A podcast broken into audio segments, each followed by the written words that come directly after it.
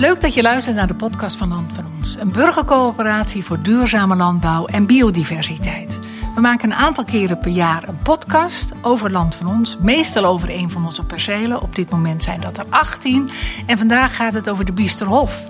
Deel 1 hebben we al gehoord misschien. Er is een deel 1 met Howard Koster. Maar vandaag spreken we met de perceelcoördinator van de Biesterhof. Dat is Ted van Hees.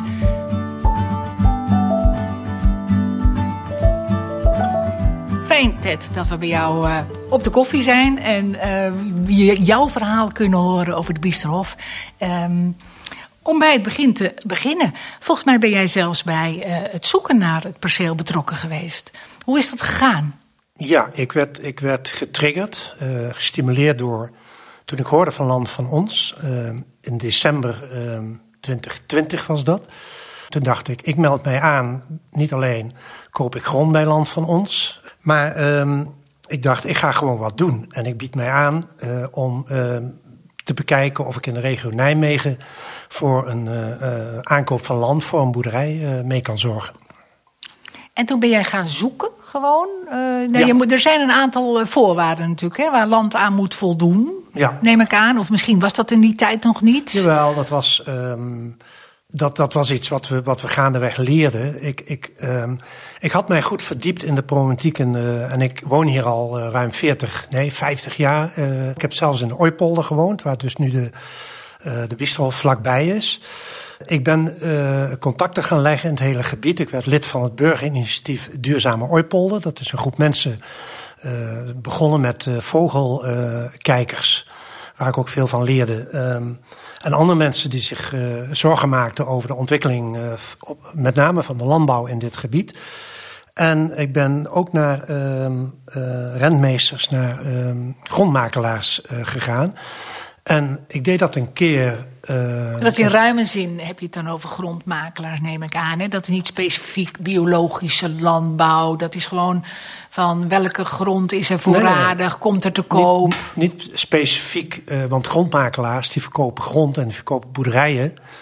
En de uitdaging is dan om dan een boerderij te vinden die je juist kunt omschakelen van gangbaar um, intensieve uh, boerderij, uh, intensieve landbouw of veeteelt, naar een biologische boerderij. En daar waren we eigenlijk naar op zoek. En ik deed dat uh, soms met, samen met iemand van Herenboeren Nijmegen, die ook op zoek waren naar grond. En zo kwamen we in Wageningen bij meneer De Lorijn. En dat was een grondmakelaar die was ontzettend toevallig. net een week daarvoor had hij grond of een boerderij in de stille verkoop gekregen van Anton Remy. En dat was dus een, een, een boerderij in de Duffelt, uh, bij Millingen, bij Nijmegen. En wat nou, is stille verkoop? Nou, dat betekent dat, uh, dat die nog niet op de markt is. Uh, de, de grond wordt nog niet, niet publiekelijk verkocht. Maar hij vertelde ons um, ja, dat, dat hij daar net een opdracht voor had gekregen. En dat hij wel, toen wij onze interesse kenbaar maakten, uh, wel met die boer wilde uh, overleggen of hij interesse had om eventueel aan land van ons uh, te gaan verkopen. En uh, hoe liepen die gesprekken? Nou, wat heel, heel leuk was, uh, die boerderij Nieuw-Zeeland heet die. En genoemd naar het Zeeland. Dat is het, um, het gebied, dat is eigenlijk een heerlijkheid uit de, uit de vroege middeleeuwen. Waar een kasteel was. En Nieuw-Zeeland is afgesplitst van Groot-Zeeland. En Groot-Zeeland is waar vroeger het kasteel heeft gestaan. En dat ligt nu tegenover de Biesterhof. Op een terp. En dat hele gebied, dat, uh, nou ja, dat is altijd landbouwgebied geweest. En de familie Remy, de vierde generatie, eind 19e eeuw zijn die daar uh, begonnen. Anton Remy is de vierde, vierde generatie boer die daar begonnen is. Een gezin van twaalf kinderen. En het leuke was dat een aantal van die kinderen, van zijn broers en zussen, waren ook lid van Land van Ons. En die hoorden hierover en die dachten: verrek, ontzettend leuk als uh, Anton, als hij gaat verkopen, dat hij dan uh, Land van Ons gaat verkopen. Nou, dus dat waren uh, bijna voor ons twee vliegen in één klap. Dus ik ging met uh, Franke Remeri, hè, de, de, voorzitter van Land van Ons, met Anton praten. Maar het was uiteindelijk gesprek wat leidde tot onderhandelingen die uh, binnen eigenlijk de kortste tijd voor de aankoop van die hele boerderij van nota bene 75 hectare, wat enorm veel was voor, Ja. voor land van ons in die tijd, met opstallen en eh, de- niet alleen het boerderijhuis, maar ook een tweede huis, wat ze voor hun ouders erbij hebben gebouwd op een gegeven moment. Maar ehm, is er 75 hectare aangekocht uiteindelijk? Nee, dat, dat, dat is helaas niet gebeurd. Of helaas, ik weet niet of achteraf gezien is misschien niet eens zo erg dat dat fasegewijs gaat gebeuren. Het was kerst-nieuwjaar tegen de tijd dat we die koop besloten. En Anton ehm, is een voor in de 60, dus hij was eigenlijk nog. nog hij, hij, eh, dacht ook van. eh, ja, waarom zou ik eigenlijk op, ophouden? Hij had ook niet verwacht dat die boerderij binnen, drie, binnen een paar maanden. dat dat geregeld zou zijn. Dus, ehm, nou ja, eh, uiteindelijk ging het dus te snel voor hem en kon hij niet meer slapen en kwam hij bij ons terug. Ik wil er vanaf, zei hij. En ehm, nou toen eh, is het bestuur, Franke en eh, die zijn daar opnieuw over gaan praten. En uiteindelijk kwam dat tot een deal om een gedeelte van 25 hectare af te splitsen voorlopig. En dat te kopen als land van ons. Met wel de handicap dat we daar geen boerderij en geen woonruimte bij hadden. En ehm er stond wel een burgerhuis op het perceel waar een, weer een, de, een oudere broer van eh, Anton eh, woonde. En toen zijn we dus gaan praten om te kijken, kunnen we die, ehm, dat huis erbij kopen? Met wel het probleem, maar daar komen we misschien dadelijk ook nog op, dat je een burgerhuis hebt, wat geen bedrijfswoning is, met alle beperkingen van dien, met een stuk land eromheen van 25 hectare, waar je, op ga- waar je volwaardig op wil gaan boeren. Ja, het is misschien handig als je wat vertelt over die beperkingen. Want we hebben eh, natuurlijk ook die podcast met Howard opgenomen. En, Mhm. en die heeft het daar ook, eh, ja, niet in de podcast zelf, maar wel zijdelings over verteld.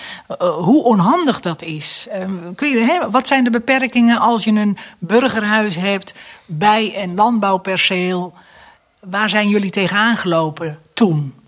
Nou, buiten dat er aan het huis heel veel moest gebeuren, was met name het probleem dat als je hè, een burgerboerderij wil zijn, hè, dus je wil veel mensen betrekken bij de boerderij, dan heb je daar eh, ruimte voor nodig. Je hebt een, schuur nodig, je hebt vergaderruimte nodig, je hebt een parkeerplek nodig, je hebt een fatsoenlijke inrit nodig, je, hebt, eh, je wil een, een, een, een boerderij zijn met een team. Hè, want eh, we hebben het nou over Howard en over Claudie. De Howard's vrouw. Maar van meet af aan is het de bedoeling geweest om daar met een team boeren te gaan, eh, gaan boeren. En nou, dat, eh, dat vraagt om woonruimte in de buurt. Eh, dat kon niet in dat huis. Mag niet op een, als een bedrijfsgebouw was geweest, dan had je daar makkelijk iets bij kunnen zetten. Had je de schuur eventueel kunnen verbouwen, groter maken, weet ik wat. En dat kon allemaal niet. Dus er kwam een heel vergunnings. Eh, probleem op ons af. Waar we eh, ja, tot, tot op vandaag, zeg maar, ehm, hoe, hoe lang, eh, anderhalf, twee jaar later, nog, nog even intensief mee bezig zijn. Oh, dat is Waaronder- misschien wel wel interessant om daar toch even over te hebben. Kijk, hij is uiteindelijk aangekocht met wat strubbelingen. Hè? En toen was het inderdaad van, er zit geen bestaande pachter op... of iemand dicht in de buurt die je al Nee. op het oog hebt. Er moet gekeken worden van... ehm, wie gaat daar pachter worden? En daar is een soort, ja, aanbesteding is een groot woord... maar er is een soort uitvraag gedaan Ja. voor boeren om te reageren hierop... En nou is het wel mij- leuk als je daar iets over vertelt. van dat wel. goh, Ja, ik was daar toevallig bij betrokken. Eh, ik vond ook wel heel belangrijk dat daar niet alleen maar eh, biologische boeren, maar ook gangbare boeren de interviews meededen. Ik heb dat samen met Co van Heijden gedaan in mijn geval. weet je nog wat jullie gevraagd hebben? Wat, Ja, wat een hele.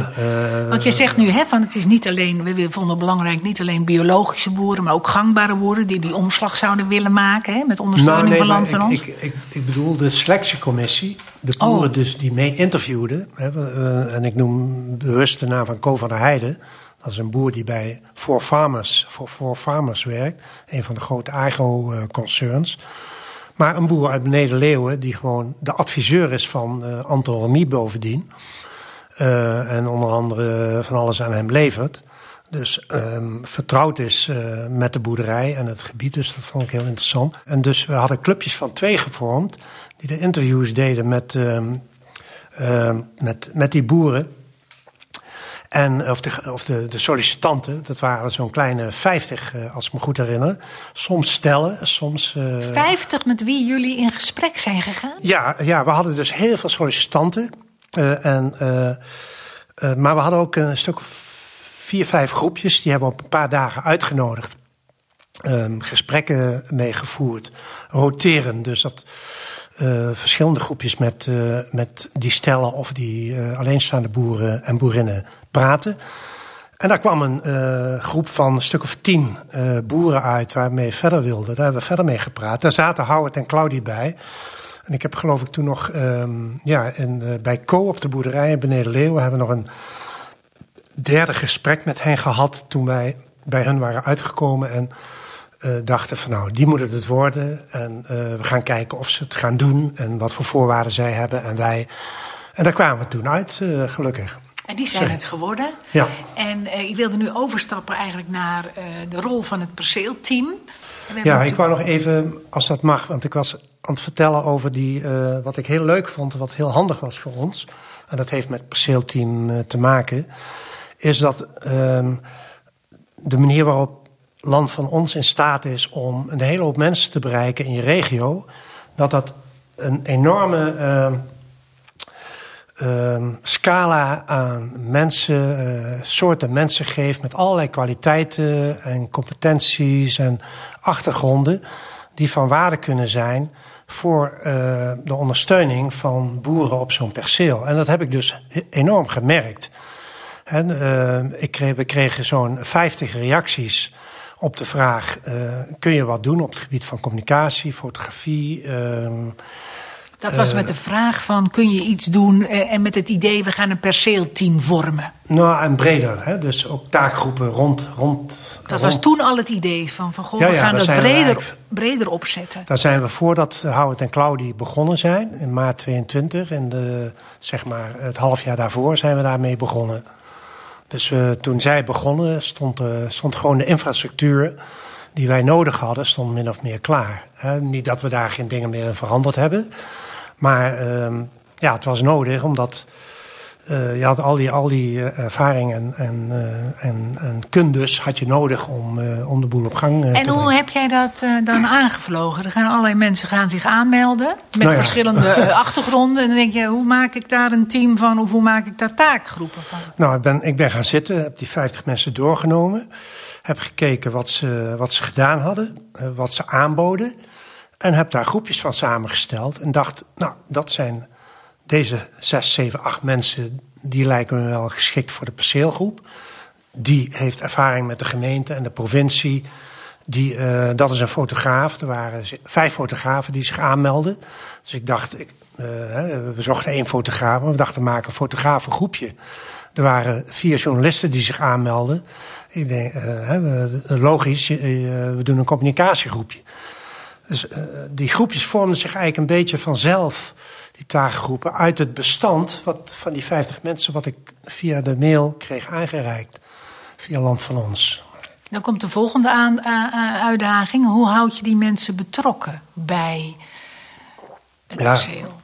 Ja, nou, wat, toch... wat ik denk goed gedaan heb, uh, is dat ik, ik dacht, ja, je hebt zoveel kwaliteit en zoveel mensen en zoveel wil om, en ook tijd die mensen beschikbaar maken om, uh, om dingen te doen. Uh, dat ik dacht, ik ga zoveel mogelijk delegeren en uh, groepjes uh, vormen die gewoon hun eigen rol en hun eigen taak gaan vervullen op het perceel.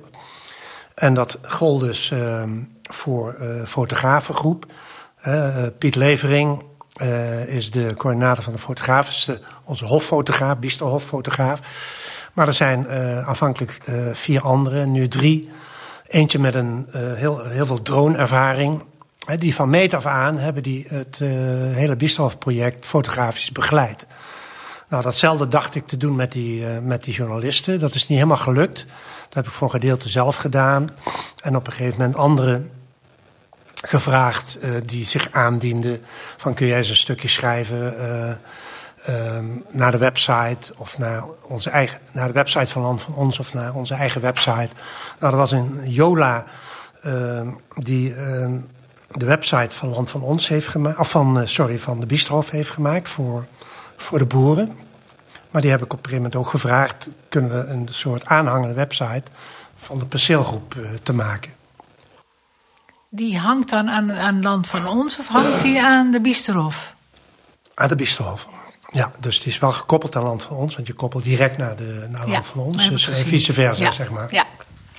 Nou, waar ik heel blij mee was, uh, Kees Remy, uh, een uh, broer weer van Anton, een van de, van de leden van die grote familie, die is bodemdeskundige, bodemkundige met pensioen.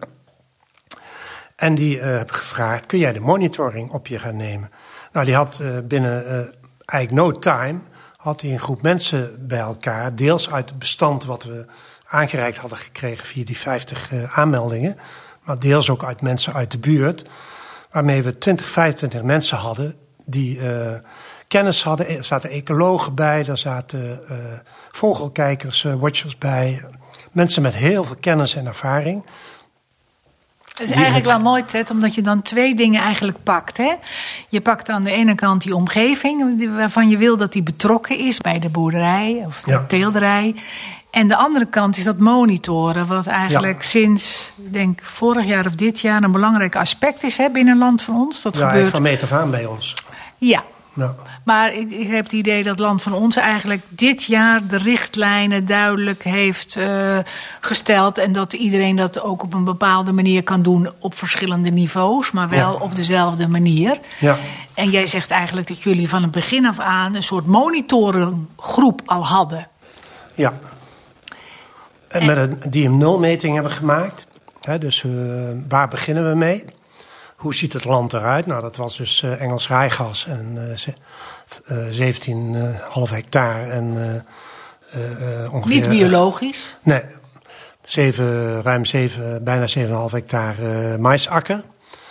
Um, nou, daar, daar, is, daar heb ik eigenlijk al voordat, vrijwel direct nadat we de boerderij kochten of die 25 hectare, heb ik met Kees Remy en Wouter van Eck, uh, een van de pioniers van voedselbossen in Nederland, hebben een aantal grondmonsters genomen om te kijken wat, uh, hoe de waterstand was uh, onder de, onder, en wat, wat, ik, wat de lagen waren van de grond en wat, wat, wat we voor beestjes vonden in de grond. Heel weinig. Maar wat wel interessant was, dat we zagen dat de samenstelling van de grond voor een gedeelte klei was. Redelijk, um, zeg maar, goede, um, lichtere klei. Zavelachtige klei. Hè? Dat is, een, is niet zware klei, wat, waar, waar het veel moeilijker op boeren is. en daaronder zat al onder een meter ongeveer, tot twee meter, zat zand. En dat, uh, dat bood perspectieven voor het type, land, uh, type akkerbouw wat we daar uh, van, van, plan waren. Ja, hey, en, maar dan moet je maar eens aan deskundigen vragen, want daar kan ik... Het, dit wordt misschien te gedetailleerd. Ja. Ik ben alleen nieuwsgierig waarom Wouter van Eck erbij was. Wouter van Eck is de, de, de belangrijke naam, of een, een van de bekendste namen op het gebied van voedselbossen in Nederland.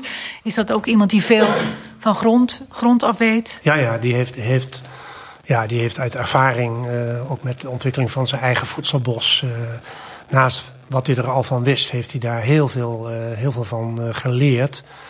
En heeft hij ons ook mede geadviseerd, om te bepalen welk deel van het perceel eventueel de toekomst voor een stukje agroforestry, voor beplanting met fruit, notenbomen en andere bomen geschikt zou zijn. En waar je dat dan het beste kon doen. Ja, het is, het is interessant dat je het, uh, je hebt het over monitoring. Hè? Dat is eigenlijk een, een, een onderdeel wat het perceelteam inderdaad uh, kan dat afzonderlijk oppakken met, de, uh, met elkaar, het monitoren. Mm -hmm. ik ben ook heel benieuwd naar de samenwerking met Howard en Claudie. Hè? Ja. Die hebben een heel duidelijk plan. Ja. Um, wat ik eigenlijk nog even, want we waren, voordat ik daar kom, als mm -hmm. het maar. Want die 50 mensen, dat waren veel. En uh, dat was ook voor een gedeelte ons eigen leerproces, dus passen en meten. En ik was me heel erg bewust van, die mensen moet je niet met z'n allen op die boerderij laten afstuiven. Dat, uh, daar, wordt, daar wordt iedereen nerveus van. Uh, er moet, moet, moet duidelijk zijn, wat, wat ja. is er te doen? Ja. En een van de, een van de eerste dingen waar ook een, één of twee mensen uh, ja, heel, heel uh, nuttig voor waren, was iemand met heel veel ervaring met, de, met het opknappen van het huis. Dus dat heb ik ook uitbesteed. Um, en daar zijn binnen kortste keren is dat huis aangepakt en verbeterd. En um, kon daar, konden Howard en Claudia daar gaan wonen. Maar daarnaast hadden we dus ja, we hebben de, aanvankelijk uh, naast de communicatiefotografen en uh, monitorgroep hadden we een groep die zich bezig hield met het beleid van de gemeente, vergunningen. En uh, ook belangrijk dus voor, met name voor de ontwikkeling van de boerderij. En, van, en met politiek en bestuur, niet alleen in de gemeente, maar ook in de provincie. En we hadden een. Want dat speelde enorm, hè? Dat, dat gaat te ver om daar helemaal op in te gaan. Nou ja, maar... dat is misschien wel leuk om iets over te vertellen. Om er iets over te zeggen. Maar omdat het, ja. we daar nu middenin zitten. Ja. Hè? Um, ja. Of niet, dat, dat blijft een, een enorm punt van aandacht. Hoe uh, naast de, de specifieke vergunning die we nodig hebben om van het woonhuis een boerderij, een functioneer, goed functionerende boerderij te maken. Uh, en de, de dingen te kunnen. En Howard en Claudia en hun team uh, de dingen te kunnen laten doen die ze moeten doen. Die ze willen um, doen, ja. En willen doen. Ja. Um, ja, is, is de hele omgeving hebben mee te maken. In die zin dat er ook, nou ja, ik noem het aan de ene kant kansen, maar ook bedreigingen uh, met uh, ontwikkelingen in het gebied. Ik weet niet of je daar. Uh, ja, ik heb dat natuurlijk gaan. gelezen in het uh, beheerplan. Uh, nou, ik denk dat toen ik dat gelezen heb, dat me ontzettend opviel. Inderdaad, hoeveel erbij komt kijken. En hoe moeilijk het is om bepaalde processen te realiseren. Of veranderingen die nodig zijn. Inderdaad, schuren bouwen, een parkeerruimte die je nodig hebt, je pad wat breder maken. Maar ook inderdaad dat er huizen gebouwd of vakantiehuisjes gebouwd gaat worden op de percelen heel dicht tegen het perceel aan. Ja. En misschien kun je daar een beetje in algemene zin iets over zeggen van ja. hoeveel tijd en energie dat kost om daar. Uh... Ja, en dat is ook wel eigenlijk interessant omdat afhankelijk dachten uh, onze pachters dat gaan we voor een deel zelf doen, maar ze zijn nou heel blij dat ze dat uh, in handen kunnen geven van groep mensen die daar gewoon hun tijd uh, aan besteden, waaronder ik zelf, maar ik uh, gelukkig niet alleen, want er komt een hele hoop bij kijken. Um, en we hebben um, een groepje die zich nou bezighoudt met, um, met, met de twee plannen om ons heen. En het een heet Biesterveld en dat is een uh, ont, on, ontgrindings-ontzandingsplas met eromheen een gebied wat 20 jaar niet uh, aangeraakt is geweest eigenlijk. Uh, met een oude vervallen boerderij, een schuur. Uh, waar, waar nu heel veel wild ook zich heeft, heeft gehuisvest.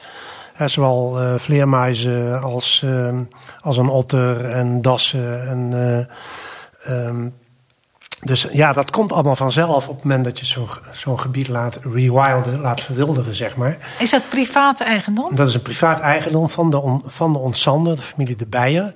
En we zijn dus al een tijdje aan het praten met, uh, met meneer De Bijen en zijn adviseurs om te kijken. Um, want die willen daar een rec recreatiepark maken. En uh, nou, de laatste voorstellen die we daarvan hebben gezien, die zijn dusdanig grootschalig dat dat hele gebied. Uh, ja, wij zijn bang uh, qua biodiversiteit en, uh, en, en ook qua kleinschalige recreatie naar de verdommenis gaat. En, uh, en qua, qua vervoer en het wordt daar gewoon een hartstikke drukke plek. dus dat. Um, we hebben heel goed overleg met, met meneer De Bijen en, en zijn adviseurs. dat gaat allemaal heel vriendelijk. Maar we hebben nou wel een stevige brief gestuurd, zowel naar hem als ook naar een overleg wat we met de gemeente hebben. Uh, samen met, uh, met, niet alleen met de gemeente en Biesterveld, maar ook met het andere project, wat, uh, het zonnepark, wat, wat daar gepland is, als buren van, van Land van Ons. Um, en ik hoop dat we daar uit gaan komen.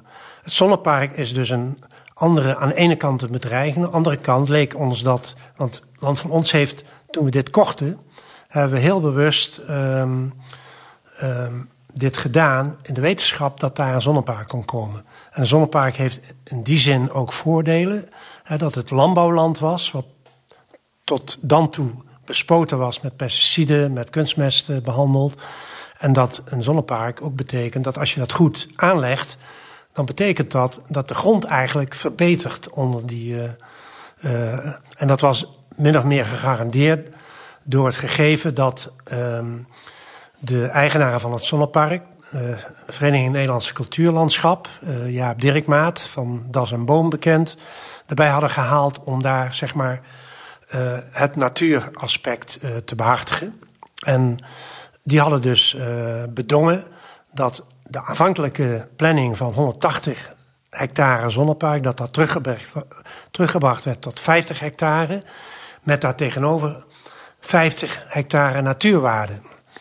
Uh, dus dat leek allemaal mooi in kannen en kruiken en uh, op, op deze manier goed gegarandeerd. Maar de laatste plannen die we hebben gezien, die betekenen dat door de opstelling van het zonnepark, dat het erop lijkt dat de bodem onder, die, onder het zonnepark voor die 50 hectare, dat die naar, helemaal uh, dood wordt na, na 10, 20, 30 jaar. En dat het dan nog weer 20, 30 jaar duurt voordat die bodem zich kan herstellen.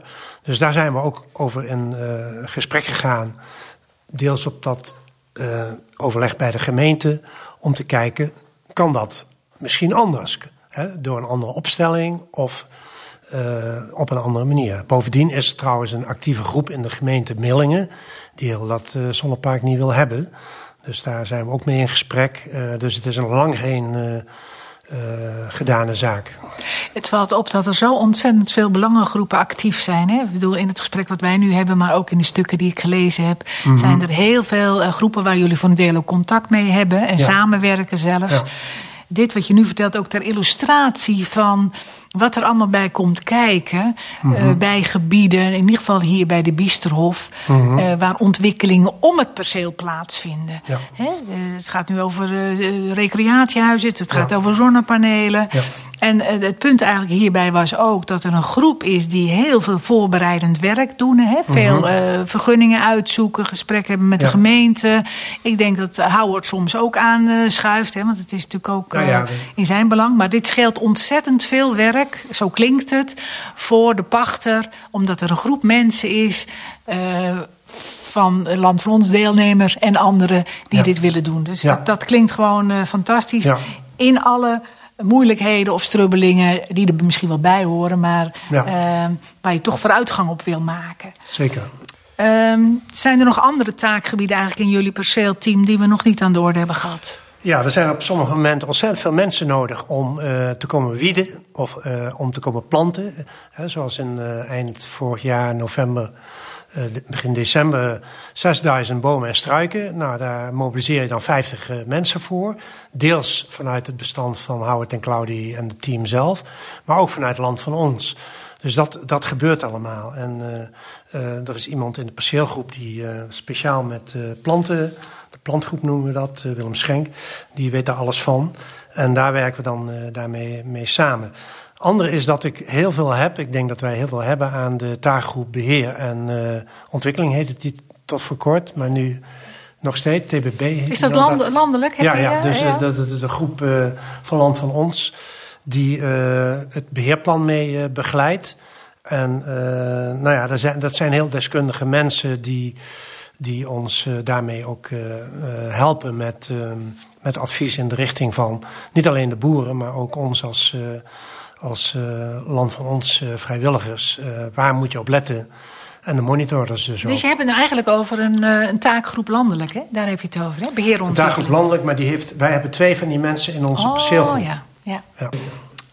Um, ik denk dat een heleboel dingen eigenlijk aan de orde zijn gekomen ik zou eigenlijk, jij bent eigenlijk het langst bij dit perceel betrokken van de twee mensen die we gesproken hebben. Uh, wat vind jij nou belangrijk voor de toekomst? En wat zou jij over drie jaar gerealiseerd willen zien?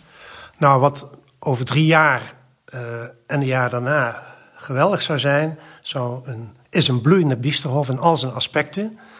Met uh, ja, de doelen van land van ons en de doelen van de boeren samengaand in, dat, uh, in die mooie droom. Waarbij uh, voor de boeren niet alleen een gezonde bodem en de biodiversiteit, uh, waar land van ons vooral op, op vaart belangrijk is, maar ook een inkomen waarmee ze, waarmee, waar ze fatsoenlijk van kunnen leven. En dat wetende dat ze naast, hè, want we hebben het over een team van vier, vijf mensen, uh, die ook naast het boeren wat ze op de Biesterhof doen, nog hun andere baantjes hebben. Belangrijke banen ook, waarmee ze een deel van hun inkomen verdienen. Maar gaandeweg hopen we dat ze daar volledig een boterham kunnen verdienen. Nou, wat ik daarnaast geweldig zou vinden, is dat we in de samenwerking met die projecten die ik noemde, het zonnepark of wat daar ook van mogen komen, het, het, het Biesterveld, hè, de, het recreatieplan. Um, maar we hebben ook een probleem met hoe huisvesten we op de boerderij die we nu hebben, onze boeren, het boerenteam. En we zijn aan het kijken met een, een groepje vrienden andere mensen om te kijken of we in de buurt een, een andere boerderij kunnen aankopen waar, ze, waar we een aantal van die problemen kunnen oplossen. En dat is het probleem voor schuurruimte en voor woonruimte voor onze boeren. En dat eigenlijk op de lange termijn zie je dan, dat is meer dan drie jaar, zie je een veel groter gebied wat een soort landgoed zou kunnen zijn met natuurinclusieve landbouw, met natuur, met woonmogelijkheden, met met mooie recreatiemogelijkheden die niet uit de hand lopen. En nou ja, daar, daar leent het gebied zich heel erg goed voor. En te meer, een, een, een, een ding wat interessant is om te vertellen. Het Zonnepark hebben ze daar gedacht neer te leggen, omdat een, vijf jaar geleden uh, onder andere op advies van de Vereniging Nederlandse Cultuurlandschap, meneer Dirkmaat, werd gezegd: dit is een waardeloos gebied. Uh, in de gemeente Bergendal, waar Millingen bij hoort, is dit eigenlijk zo'n, qua natuur en biodiversiteit, zo'n slecht gebied. Gooi daar dat zonnepark maar neer. En als je ziet wat daar, wat daar nu aan het groeien en bloeien is en de mogelijkheden die we daar hebben, dan zou het fantastisch zijn om, om de Biesterhof een soort inspirerend voorbeeld te laten zijn van de rest van de omgeving. En met Land van Ons, uh, zeg maar, als, als stimulerende kracht daarachter. Voor zo kan het ook in de Nederlandse landbouw. Mooie vergezichten, Ted. Dank je wel. Dank je wel ook voor de gastvrijheid. We zitten hier bij jou in Nijmegen, maar ook voor je mooie verhaal vooral. Jullie ook bedankt, luisteraars, voor het luisteren naar deze podcast. Zoals gezegd, er is ook een deel 1 waar de pachter, de boer, aan het woord komt. Luister die ook als je die nog niet gehoord hebt. Je kunt hem terugvinden in je favoriete podcast-app. Graag tot een volgende keer.